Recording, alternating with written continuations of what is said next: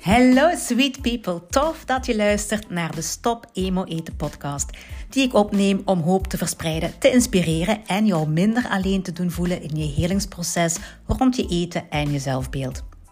Hoe kom je nu los uit die dieetcultuur en hoe genees je je ongezonde relatie met voedsel? Of hoe pak je de emotionele blokkades aan die jouw afslankproces dwarsbomen?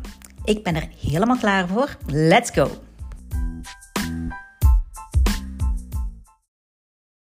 Hoi, ik ben Lenny en je luistert naar aflevering 14 van de Stop Emo Eten podcast. En ik weet, het is een heel tijd geleden dat je me nog gehoord hebt.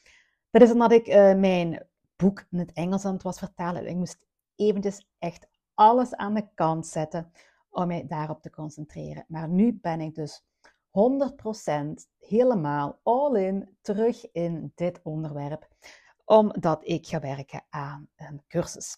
En de Stop Emo Eten methode wordt een cursus zoals de Slanke Mindset methode. Alleen gaan we werken op het onderbewustzijn. En voordat we daarover aan beginnen, wil ik vandaag een heel belangrijke vraag stellen. Een vraag die wel eens de hele podcast en de hele cursus kan um, van de baan vegen. Die vraag is: bestaat emo-eten eigenlijk wel? Je hoort het goed bestaat emo-eten eigenlijk wel? Emotioneel eten, is dat eigenlijk wel een ding? Waarom zeggen we dat? Waar, waar komt dat vandaan? En, en is het eigenlijk echt wel iets om ons zorgen over te maken? Ik had er eigenlijk zelf nog nooit eerder over nagedacht, omdat emo-eten, emotioneel eten, ja, dat, dat is een concept wat ik altijd heb gehoord en wat helemaal ingeburgerd is. Ik weet zelfs niet meer waar ik het ooit voor het eerst gehoord heb, wanneer ik het voor het eerst gebruikt heb. En ja, het is, het is zo normaal. Pas toen ik een podcast aan het luisteren was en ik heb de hele voormiddag gezocht, maar ik vind niet meer welke. Het was ofwel de podcast van Dr. Caroline Cooker ofwel van Christy Harrison. Ik weet het niet zeker welke het was, want het is echt al een paar weken geleden dat ik die geluisterd heb. Maar die kwam voor het eerst, naar, naar wat ik ooit gehoord heb, naar een verklaring over waar de term emotioneel eten vandaan komt. Um, en ik was gisteren, ik heb, een, ik heb een enquête opgesteld, omdat ik, als ik mijn cursus ga beginnen maken, ik wil dat die echt helemaal uh, gaat beantwoorden aan de vraag van de mensen. Dus dat die echt gaat helpen. En daarom moet ik ook weten welke de problemen zijn met emo-eten of emotioneel eten. En of die problemen er echt wel zijn. En um, ik, wou, ik had een enquête gemaakt en ik ging die ene keer voor het eerst invullen met mijn, met mijn dochter, gewoon om, om eens te proberen of alles wel klopte. En blijkt dat mijn dochter, mijn dochter is 11 jaar, ik had niet verwacht dat ze zelfs wist waar het over ging gaan. Maar zij wist heel goed te vertellen wat emo-eten eigenlijk is. En ze zei, ja, als je je verdrietig voelt, dan ga je je troosten met eten. Ik denk niet als ik elf jaar was dat ik daar ooit al van gehoord heb, maar dit concept is dus zo ingeburgerd dat zelfs kinderen hier zich al bewust van zijn. En toen de vraag van, van wanneer werd je voor de eerste keer geconfronteerd met emotioneel eten, toen zei zij dat ze vijf, ongeveer vijf jaar zal geweest zijn. Toen zij voor het eerst een koek ging pakken om zich te troosten. Dus dat, dat, dat is gewoon alarmerend. Um, ik had het niet, niet verwacht. Nu, van waar komt die term emotioneel eten?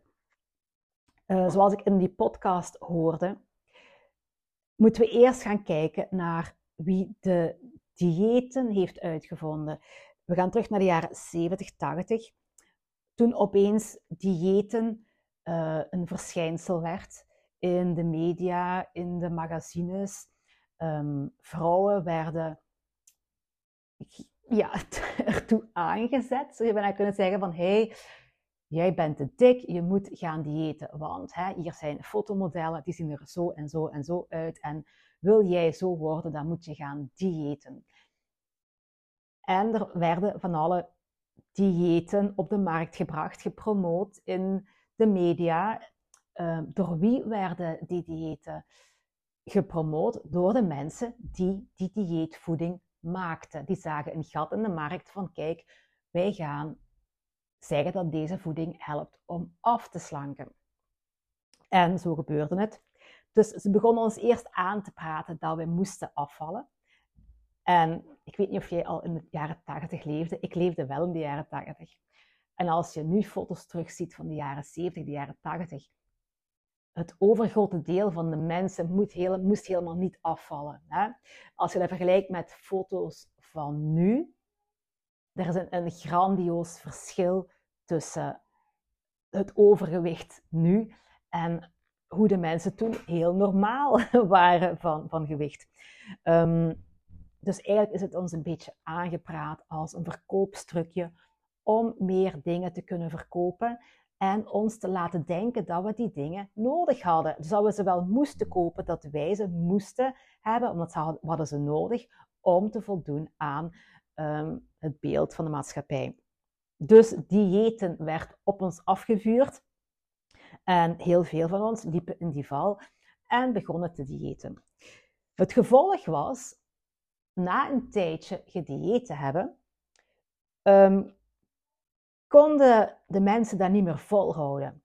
En kregen ze opeens een eetbui, of konden ze opeens niet meer stoppen met eten, of hadden ze heel veel trek in van alles en nog wat, en konden ze niet aan die drang weerstaan. Dus wat deden de mensen? Die gingen terug naar, naar die dieetpersonen, die dieetindustrie, en die vroegen zich, kijk, dit en dit is er gebeurd. Wat moet ik hier nu mee aanvangen? Want, want ik, moet, ik heb nu abnormaal eetgedrag. En ik kan daar precies niet mee stoppen. Natuurlijk gaat de dieetindustrie niet zeggen: Oké, okay, wij waren fout, je kunt het beter niet doen, want dit werkt niet, want daarna ga je veel meer eten en dan kom je weer bij. Gaan ze dat zeggen? Nee. Gaan ze dat toegeven? Nee. Dus wat heeft de dieetindustrie gedaan? Ze hebben zelf die term emotioneel eten verzonnen om de mensen een schuldgevoel aan te praten, om te zeggen: het probleem zit bij jou. De reden dat jij meer gaat eten, de reden dat jij een eetbui hebt, de reden dat jij heel veel drang hebt naar zoet eten of zout eten of vet eten, dat komt door jouw emoties. En wij zijn daar weer ingetrapt en wij kregen dat schuldgevoel en wij dachten, oh, ik moet nog veel meer mijn best doen. Dus ik ga een ander dieet proberen en ik ga dan weer een ander dieet proberen. En zo houden ze ons al decennia lang aan het lijntje. Um, ze hadden ons beter gezegd op dat moment, kijk, diëten werkt niet. Uh, zoals ik nu heel veel probeer te zeggen en ook al die andere anti-dieettherapisten heten ze tegenwoordig. Um, Anti-diet therapists. Uh, dat is ook de podcast die ik allemaal luister om helemaal in het onderwerp uh, verdiept te zijn. Emotioneel eten, of wat wij emotioneel eten noemen, is geen abnormaal eetgedrag. Het is heel normaal dat jouw lichaam, als het tekorten heeft, heel veel zin gaat krijgen in vet en in zoet en in zout, om jou te doen eten, om die tekorten aan te vullen. Dat is biologisch gezien heel normaal. En natuurlijk, eten maakt deel uit van onze cultuur. En heeft het altijd gedaan. Ik uh, lees graag de, de boeken van, um, uh, van de aardkinderen, van Ayla en Yondelar en, en die, al die, al die uh, personages. Zelfs in de oertijd werd eten gebruikt als een manier om iemand welkom te heten, als een manier om iemand in de familie op te nemen, een feestmaal uh, een manier om te zeggen dat je van die personen houdt, of dat ze veilig zijn, of dat ze bij de groep horen enzovoort. Dus ons, ons eetgedrag, het, het, het, um, concept dat wij eten gebruiken bij feesten en bij emotioneel geladen momenten, is een deel van onze cultuur. Dus ook dat is helemaal niet zo vreemd. Het is niet zo vreemd dat als jij emoties hebt, dat je naar eten gaat grijpen. Dat zit ook in onze natuur, dat zit in ons DNA, dat is meegegeven bij ons. Dus voor eens en voor altijd, emotioneel eten bestaat eigenlijk niet. Dat is niet iets echt. Dat is iets uitgevonden om jou een schuldgevoel mee te geven. Nu, tot daaraan toe, hè, we weten dat nu, biologisch gezien is het een heel normaal proces, maar we zitten nu wel met het probleem dat wij last hebben van dat eetgedrag. Dat wij het niet onder controle hebben. Dat het een impact heeft op ons leven. En dat we ons er slecht over voelen, gewoon. Ja, want wij willen wel controle hebben over ons eten. En door onze eigen biologie zo lang te negeren, hebben we allemaal wel tekorten. Tussen haakjes, de voeding die wij tegenwoordig eten, heeft op zich al zoveel tekorten, dat zelfs de mens die denkt dat hij gezond eet, tekorten heeft, waardoor dat zelfs die personen nu en dan eens een keer een eetbui gaan hebben of een drang gaan hebben naar iets omdat een lijf tekorten heeft. Ehm, maar dus het gevolg van decennia lang onze eigen biologie te negeren, door te geloven dat we niet naar ons lichaam moeten luisteren en dat we onze honger moeten onderdrukken om een dieet te kunnen volgen. Het gevolg daarvan is dus dat, we, dat wij een bepaald probleemgedrag hebben met eten. Heel velen van ons hebben daar soms redelijk vaak of vaak last van. En wat kunnen we daaraan doen?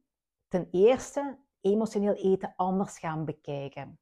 Weten dat het eigenlijk niet echt het probleem is van ik heb heel veel emoties en nu ga ik eten en ik kan me niet tegenhouden. En dat is niet het probleem. Het probleem is dat ons lichaam tekorten heeft. wat kunnen we dan nog doen? Ten tweede is ons lichaam geven wat het nodig heeft. En daarmee bedoel ik, um, wat ik zelf heel veel doe, is supplementeren. Dus ik neem veel supplementen, omdat ik weet dat de voeding die wij eten niet meer genoeg is. Dat ons lichaam van alles nodig heeft. En ten derde, als we dat al kunnen oplossen, dan komt natuurlijk ons eetgedrag, het abnormale eetgedrag, wat wij emotioneel eten noemen, is ondertussen een patroon geworden. Ons, ons uh, lichaam is daar zo aan gewoon dat het automatisch gebeurt. Het, zit, het is een patroon in ons onderbewustzijn. En we kunnen er alleen iets aan doen als we dat patroon er kunnen uithalen en een nieuw patroon, een gezonder eetpatroon er kunnen in, in ons onderbewustzijn krijgen. Voilà, zo moeten we dat gaan aanpakken. Dat zijn de stappen die nodig zijn. Uh, de eerste stap, emotioneel eten anders gaan bekijken, is wat we nu samen aan het doen zijn. Dan uw lichaam geven wat het nodig heeft. Dat is ook een stap natuurlijk. Maar dan het probleemgedrag uit je onderbewustzijn, die patronen gaan erkennen, ze gaan veranderen. Dat is iets waarvoor we toegang tot ons onderbewustzijn moeten hebben. En dat is het deel waar ik een cursus rond ga maken om jou te helpen om uh, met bepaalde technieken zoals tapping, zoals een meermethode, zoals isomotion, om um, die patronen te veranderen. En daar gaat de cursus over gaan, die ik ga opstellen, want ik heb gisteravond de enquête die ik heb gemaakt voor de eerste keer uitgestuurd. Ik heb nog maar negen antwoorden terug gehad, dus dat is nog niet veel. Maar in ieder geval zijn dat wel negen mensen die alle negen hebben gezegd dat ze wel last hebben van emotioneel eten. Soms of geregeld of zelfs vaak. Um, dat dat vooral s'avonds voorkomt bij de meesten. dat ze dat heel veel doen als ze alleen zijn. En dat dat vaak komt door stress. En de meeste antwoorden ook moe zijn. Dus van moeheid uh, daaraan gaan toegeven. Eigenlijk, je hebt dan meer de discipline die jij van jezelf verwacht om, daar, om dat niet te doen. Wat je misschien de hele dag wel hebt gehad, s'avonds valt dat weg. Nu, um, op mijn enquête, dat is een, gratis enquête van SurveyMonkey en ik kan daar geen contactinformatie laten inzetten. Dus ik heb op het einde gevraagd van laat hier uw naam en uw telefoonnummer of uw e-mail achter als je meer info wilt of op de hoogte wilt gehouden worden. Veel mensen hebben daar geen naam gezet, dus die kunnen ook niet op, op de hoogte worden gehouden, alhoewel ze al zeiden dat ze wel wouden op de hoogte gehouden worden. Dus als je de enquête gaat invullen, zet tenminste je naam erin, dat ik ook weet of je een man of een vrouw bent, want dat is ook nog even belangrijk. Om te weten voor mij een marktonderzoek van, is het enkel een probleem van vrouwen of ook van mannen? Um, dat ik ook nog heel graag weten. Dus um, ik ga beginnen werken aan mijn cursus Stop Emo Eten methode. Die overlapt niet met de slanke mindset methode. Uh, dus die gaat nog een extra level dieper dan de slanke mindset methode. De slanke mindset gaat vooral over de mind, over het bewuste, jouw bewuste brein, hoe jij bewust uh, kunt gaan veranderen in uw eetstijl, in uw levensstijl, in het denken over eten, in het denken over uw lichaam enzovoort. En dit gedeelte gaat over het onbewuste deel van uw brein. Dus het deel waar we geen controle over hebben als we geen controle over ons onderbewustzijn hebben. Ehm, ik zet de link van de enquête ook nog eens hier in de beschrijving van de podcast. Alsjeblieft, um, om mij te helpen en om te zorgen dat de cursus echt wel een antwoord is op de vraag die jullie nodig hebben om uit het probleem te geraken. Hè? Dus vul gouden enquête en het duurt maar twee minuten of twee minuten en een half. Um, please, doe dat even voor mij en dan hoor je binnenkort weer meer over deze Stop Emo Eten podcast. Ik hoor jullie gauw. Bye bye.